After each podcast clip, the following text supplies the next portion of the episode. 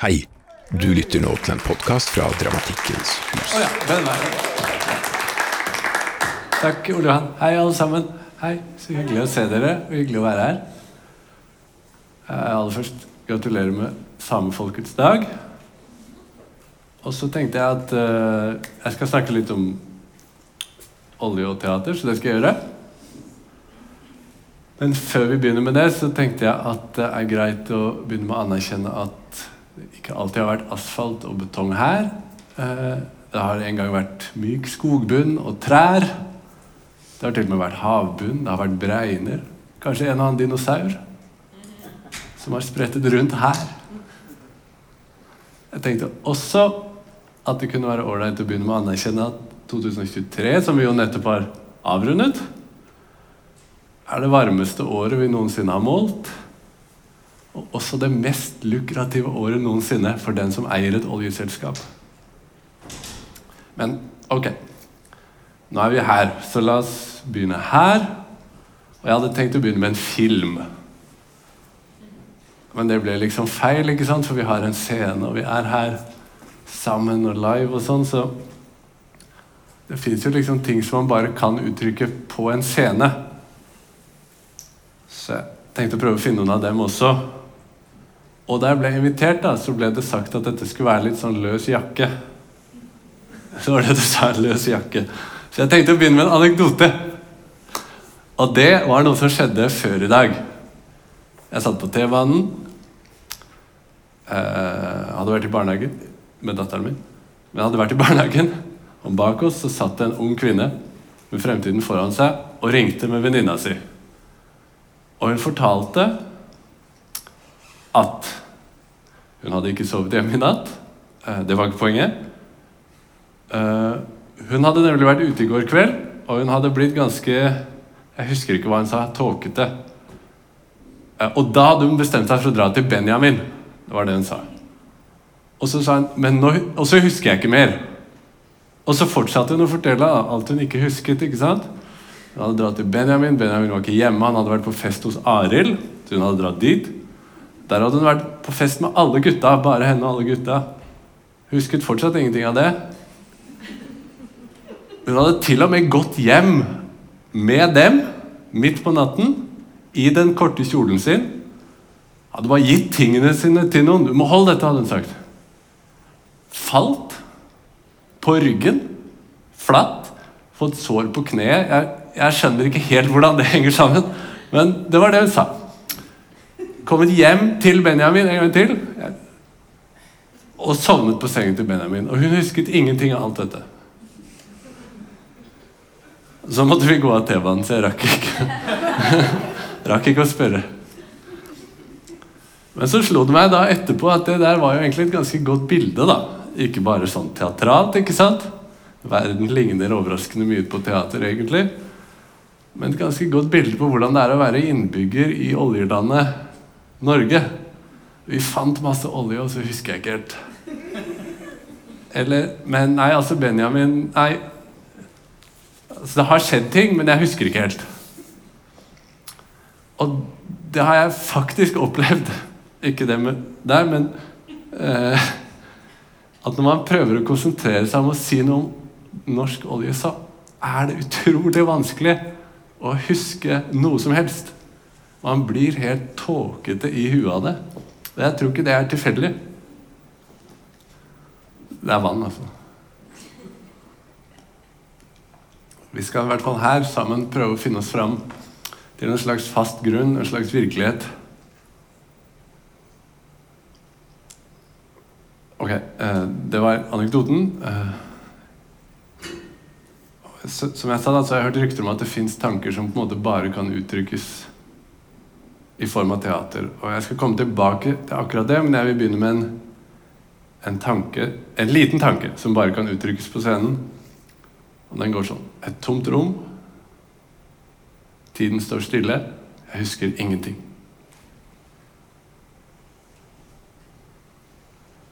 En liten tanke til. En oljetanke. Nemlig Det kommer et punkt i denne forelesningen et sted etter midten, men ingen vet helt når. Og når vi kommer forbi det punktet, så kan vi si at vi har kommet til det punktet av forelesningen og den norske økonomien som har sitt opphav i olje og gass. Noen vil si at det er ca. de siste 20% men det er noen som sier at halvparten av fastlandsøkonomien har sitt opphav i olje og gass. Så du kan jo tenke deg at du sitter her og ser på et dukkehjem, da, for, eksempel, for å ta noe dere sikkert kjenner alle sammen. ikke sant? Og så slutter det med at Nora sier, 'Kjære Thorvald' Nei. Takket være mine venner, mine gode venner i oljenæringa eller Equinor eller hvor som helst, så kan jeg dra. Lykke til, Thorvald, her i den førindustrielle møkka. Jeg drar. Eller 'Ringenes herre'. Man kan jo bare forestille seg ikke sant, hvordan det skulle gått da, hvis ikke vi hadde hatt de siste 20 prosentene. Eller dette rommet. Tenk på det. Hvilken halvdel er det? ikke sant? Er det toppen? Eller? Kanskje den delen, kanskje det er dere, da, som har sitt opphav i Nordsjøen. Så når Peter Brook her, som er en sånn helt for mange av oss, sier at teater begynner med et tomt rom, så er ikke det helt sant, for det er ikke helt tomt. Det er halvfullt av olje. Og enten A, B eller C i den berømte anekdoten jobber for Equinor. Tiden står ikke stille heller, og det skal vi komme tilbake til. Jeg har i hvert fall latt meg invitere hit for å si noe om Jeg kunne si noe om hva jeg ville. Så klarte jeg å snuble meg inn i noe jeg vet ganske lite om. Som er den norske oljen, som dere har skjønt. da. Og jeg er ganske sikker på at jeg vet nok mer om trender f.eks. i Shakespeares London enn jeg vet om den norske oljen. Det er sikkert mange som har det sånn. Jeg skal komme tilbake til akkurat det der òg, men jeg skal prøve å formulere hvorfor vi skal snakke om det vi skal snakke om, og ikke om trender i Shakespeares London. Og så skal vi se en liten film, altså, så bare slapp av. Det blir gøy også. Men jeg skal forsøke å formulere en tanke her. Nemlig hva er det egentlig som er problemet? Det er ganske vanskelig å holde fast i den tanken, syns jeg. Men jeg skal prøve, og det er litt flaut også, for det er sånne ting alle vet. Men jeg skal prøve allikevel, da. Og det er jo sånn ikke sant, at når vi mennesker brenner fossile brennstoffer, olje, gass og kull, så forurenser vi atmosfæren.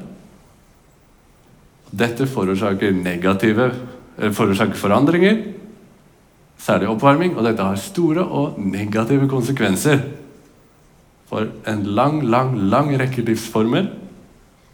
Og dessuten særlig, eller inklusiv, en lang, lang, lang rekke mennesker. Og noen veldig få mennesker gjør seg veldig, veldig, veldig rike på å selge akkurat det som forårsaker veldig, veldig, veldig mye trøbbel og ødeleggelse for veldig, veldig, veldig mange.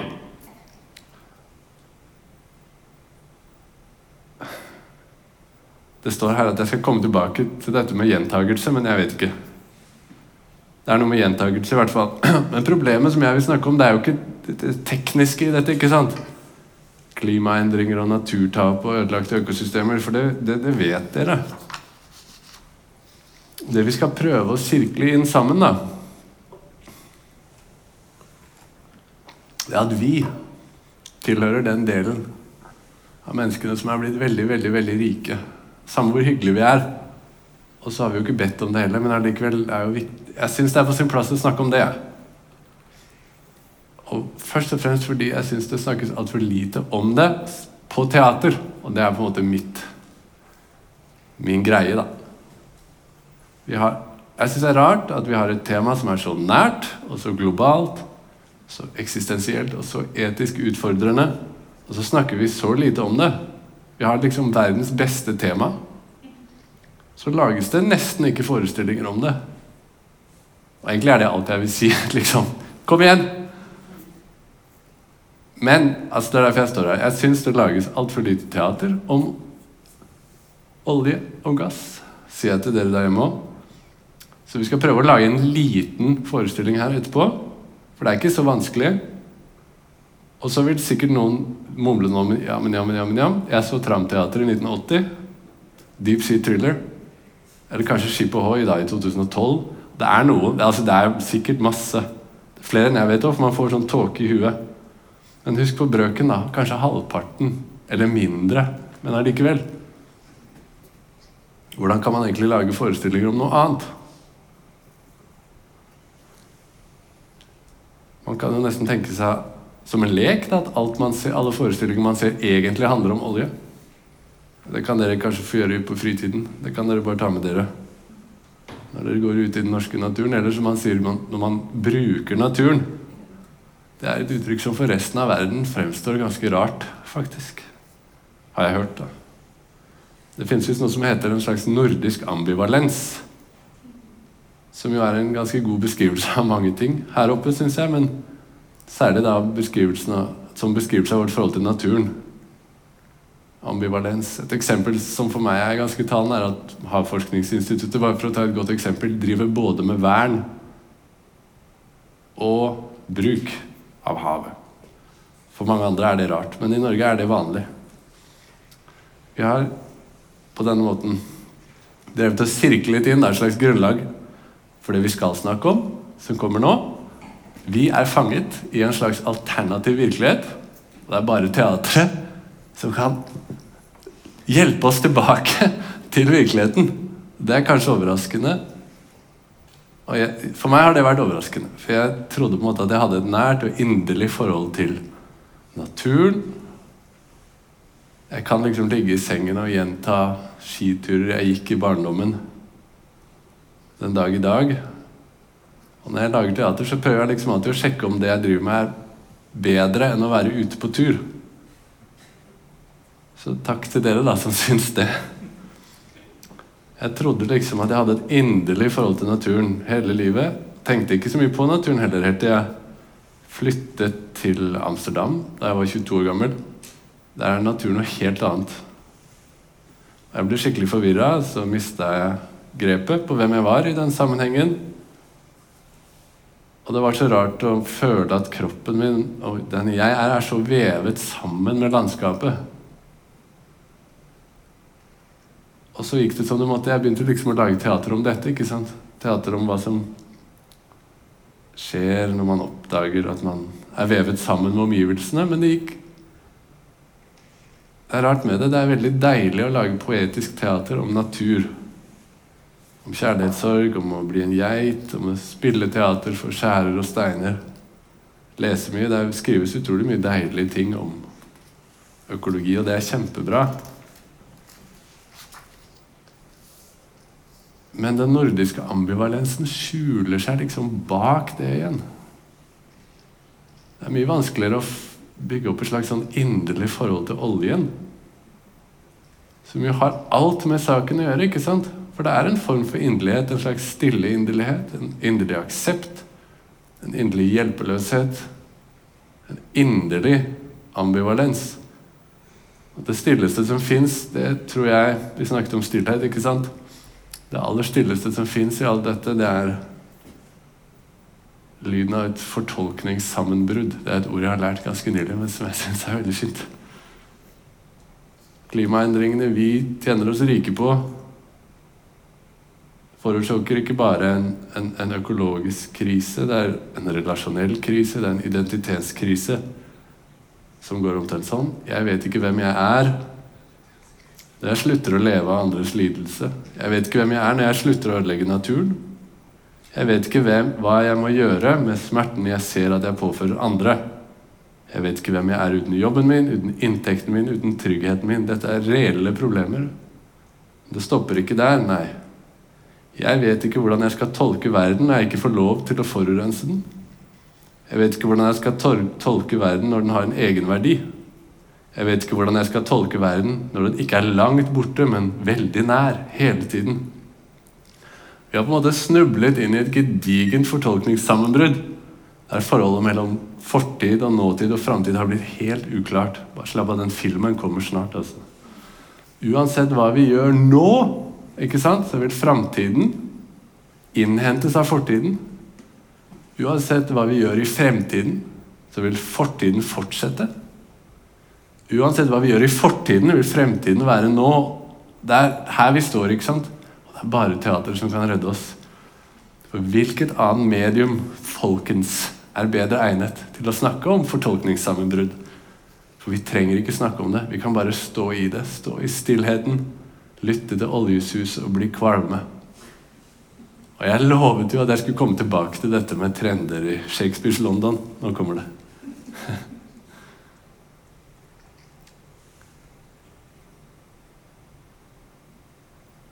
Det var dette med Nå hadde jeg skrevet at jeg skulle forsnakke meg, så det klarte jeg ikke.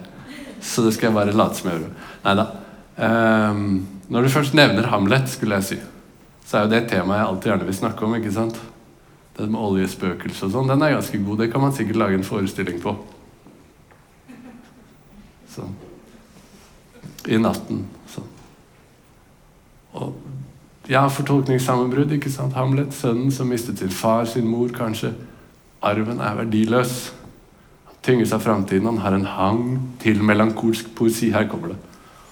Det var visst veldig moderne i London rundt 1600 å være å gå i svart og være melankolsk og skrive dikt. Og Det er et så morsomt bilde at byen på en måte var full av unge menn i svart. Sånn, Og så med bart. da. De skrev sånn der Å være Ligge under en stein eller ikke ligge under en stein. Ja.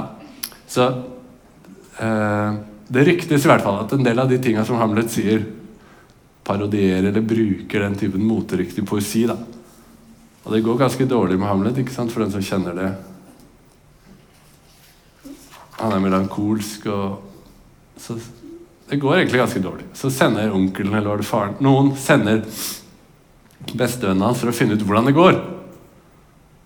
Og etter en stund så svarer han med dette, som da visstnok er veldig moteriktig poesi for 400 år siden. Hamlet sier i min egen oversettelse, så dere får bare bære med meg I det siste, og jeg vet ikke hvorfor, har jeg mistet lysten på det hele. Jeg får ikke sove. Tiden står stille. Livet er så elendig at jorden, vårt herlige hjem, fremstår som en naken klippe. Himmelen egentlig en baldakin av gull som ei fylling. En stank som sprer pest. Det handler ikke om klimaendringer. Altså.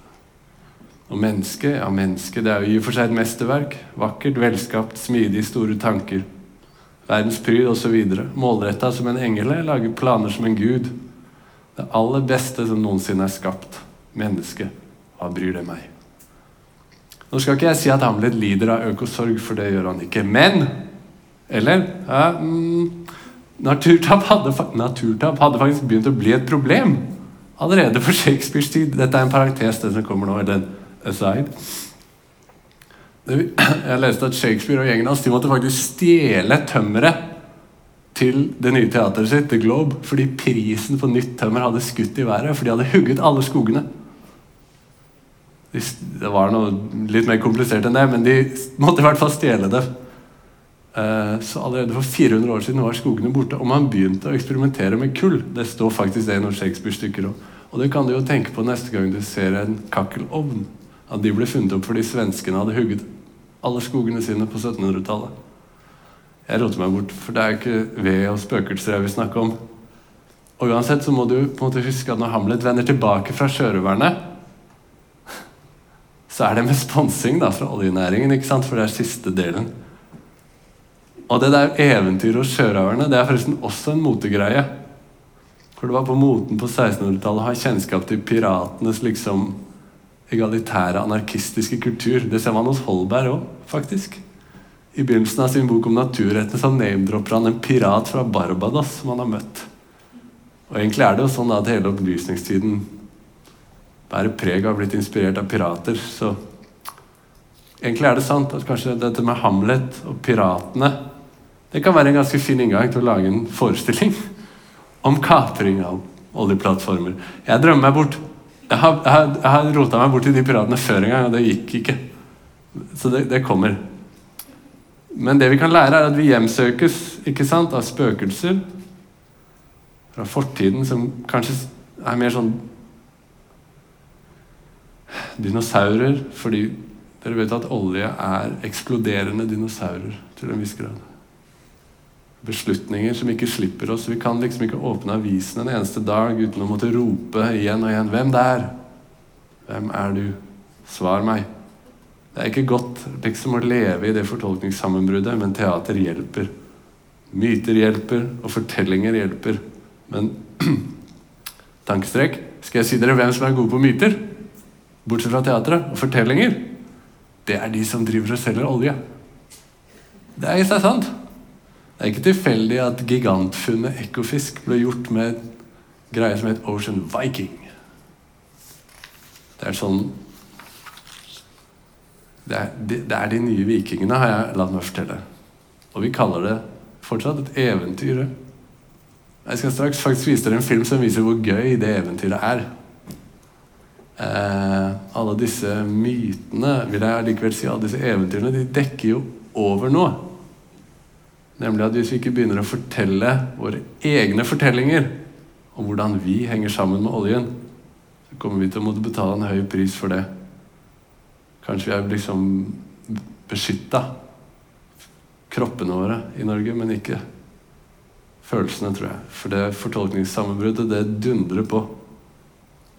Tenk på Hamlet. Tenk på Hamlet som ramser opp alle livets mest tornefulle elendigheter i den kjente monologen som var mote.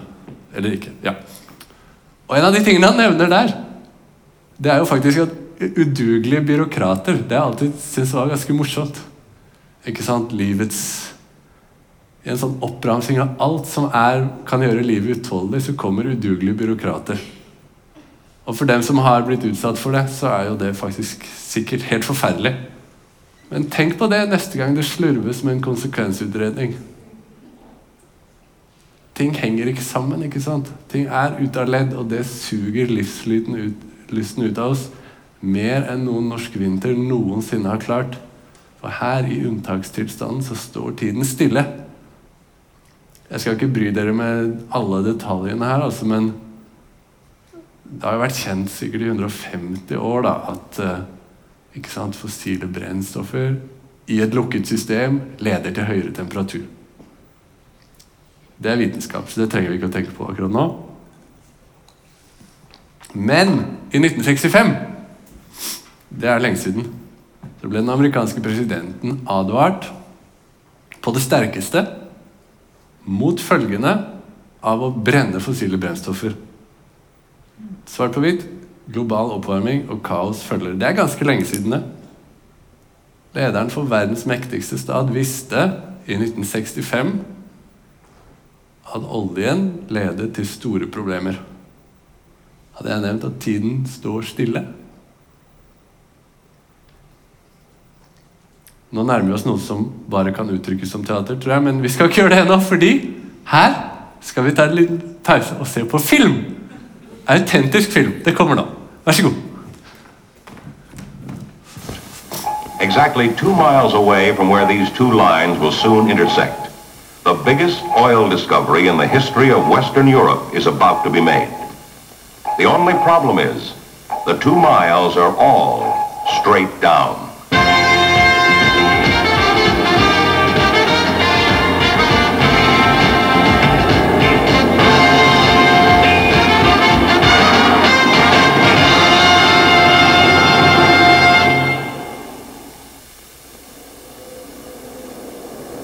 June 13, 1962, Bartlesville, Oklahoma. In a room containing only maps, charts, and geologist reports, a decision is made that will either directly or indirectly affect the lives of millions of people. A decision that will eventually involve the expenditure of nearly $2 billion. Looking back on it now, I'd say our overall estimates regarding the North Sea project were pretty much on target. Of course, the exploration for oil is at the very best a gamble. We therefore elected to proceed with what you might call cautious optimism. May 1963. Phillips scientists and engineers, using high-frequency seismic soundings, carefully chart the structure of the Earth below the floor of the North Sea. Not one, but many large basins are located, thereby confirming prior geological opinions.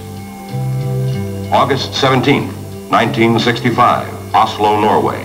After years of further study and negotiation, an international consortium headed by Phillips Petroleum Company, which now includes Petrofina, Ogip, and Petronord, is awarded exclusive license areas in which to continue exploration of Norwegian territorial waters.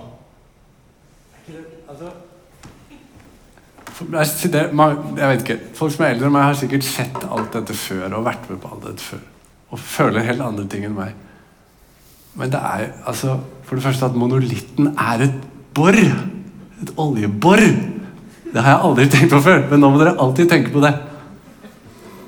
Men legg merke til hvordan flaggborgene mobiliseres her. ikke sant? Alle barna ut og grave. Det er helt utrolig. Og det virker jo gøy, og det var jo et eventyr.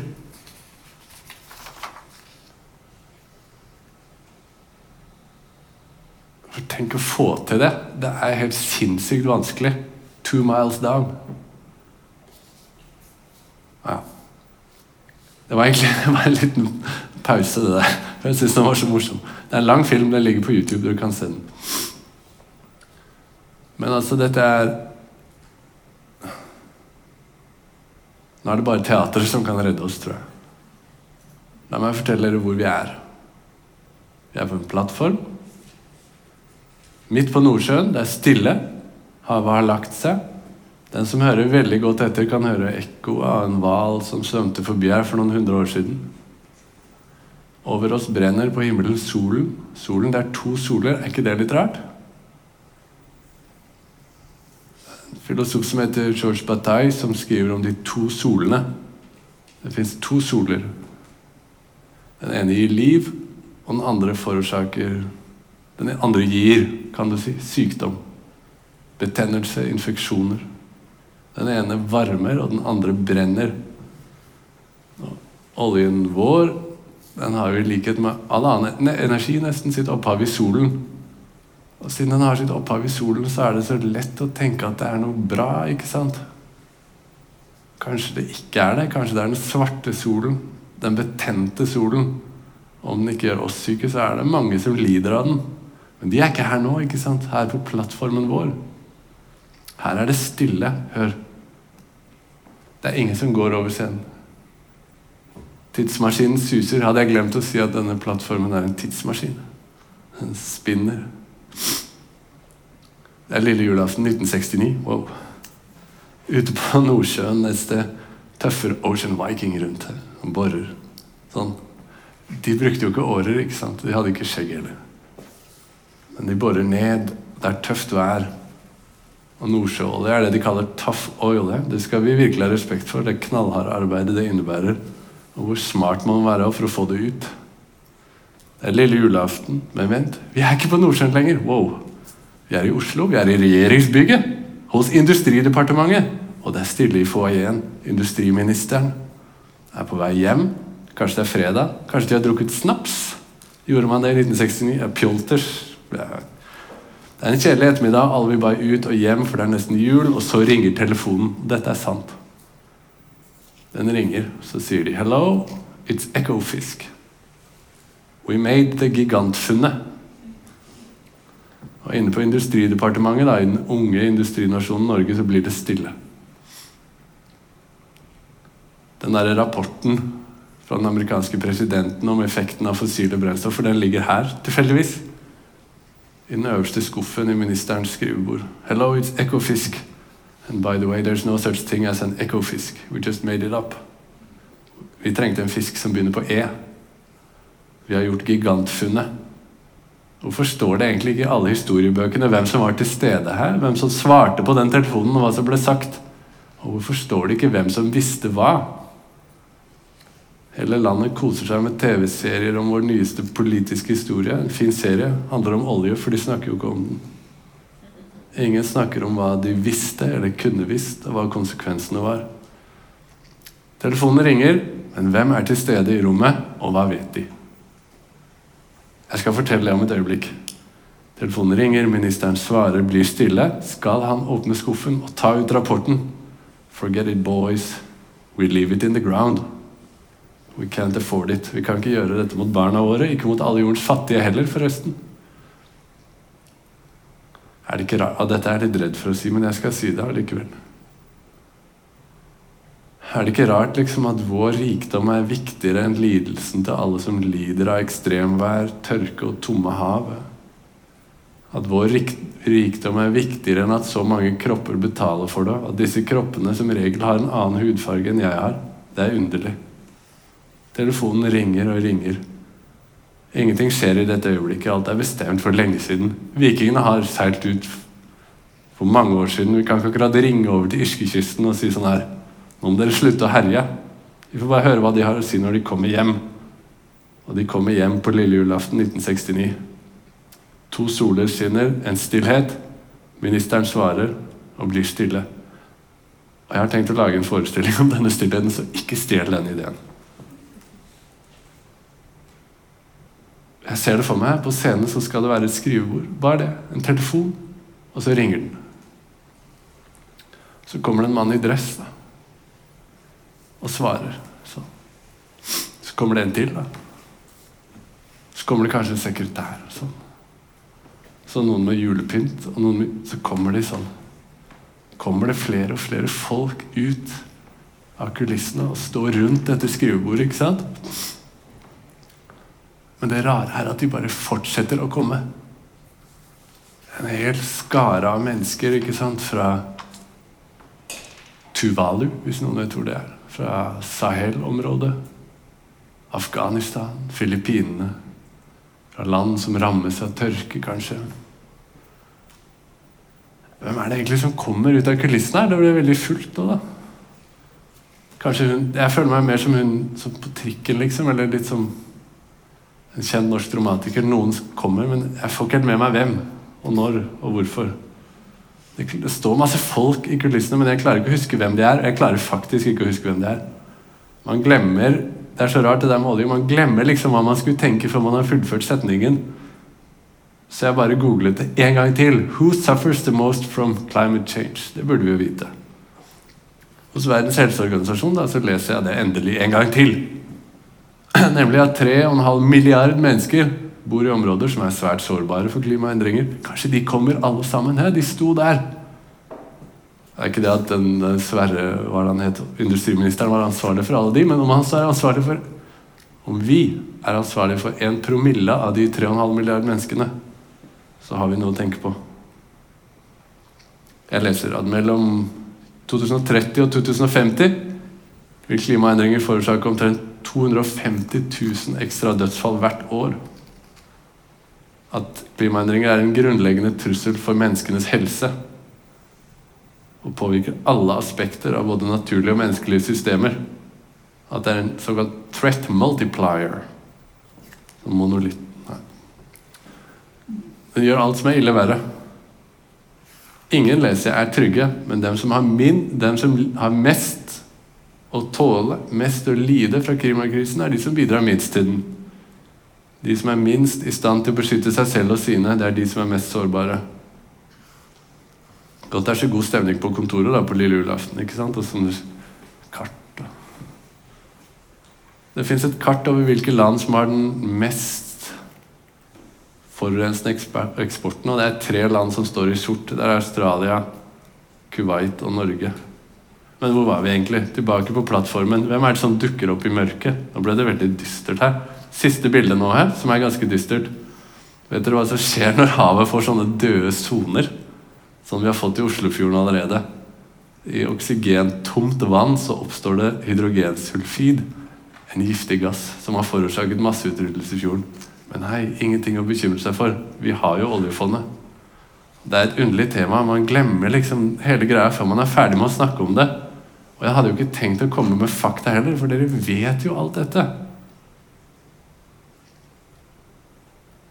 Og det at dere vet det, men ikke kan huske sist dere snakket om det, ikke kan huske hva det egentlig var som skjedde, huske hvordan det gikk, det er ikke deres private erfaringer. Det er offentlige følelser. Det er våre felles følelser. Følelser har struktur, og de deles. Og vår stillhet om oljen oss imellom i arbeidet vårt er en melankoli som vi deler. I forestillingen min da, så skal jeg foreslå at vi forlot virkeligheten på en sånn flåte lille julaften 1969. Da man valgte å ikke åpne den skrivebordsskuffen. ikke sant?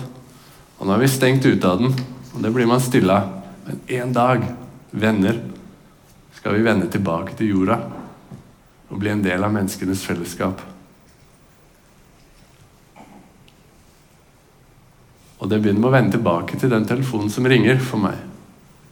Men jeg vet også noe annet. og Dette er, det er helt spekulativt, altså, men jeg, jeg, dette kan vi jo snakke om i baren etterpå. Det kommer til å komme en dag, tror jeg, der en norsk statsminister kommer til å be om unnskyldning for at vi drev med olje så lenge.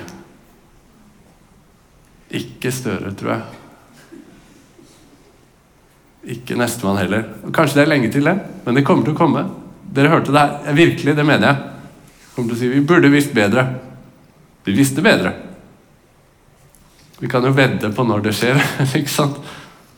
Og, når det skjer, da er vi tilbake. På en måte. Eller Jeg tror det blir veldig, veldig viktig. Ja, nå hadde jeg liksom lovet dere en tanke som bare kan uttrykkes på scenen, og jeg tror kanskje vi har hatt den. Men la oss ta den en gang til, den, for det er der det skjer. Den stillheten. Det ringer en telefon. Og hele verden står og hører. Så står det en liten fyr oppe i Norge om å svare på det. Det er jo helt umulig. Men i den stillheten sitter vi fortsatt.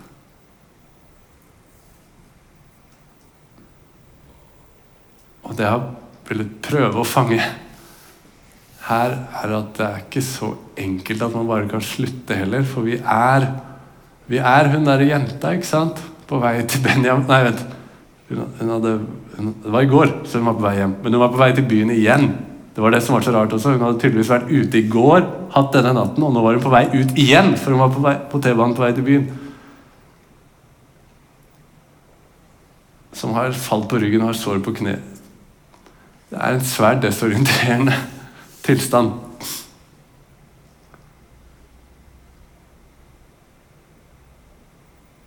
Og alt dette sier jeg egentlig bare fordi jeg vil invitere dere og dere som ser på dette om 50 år,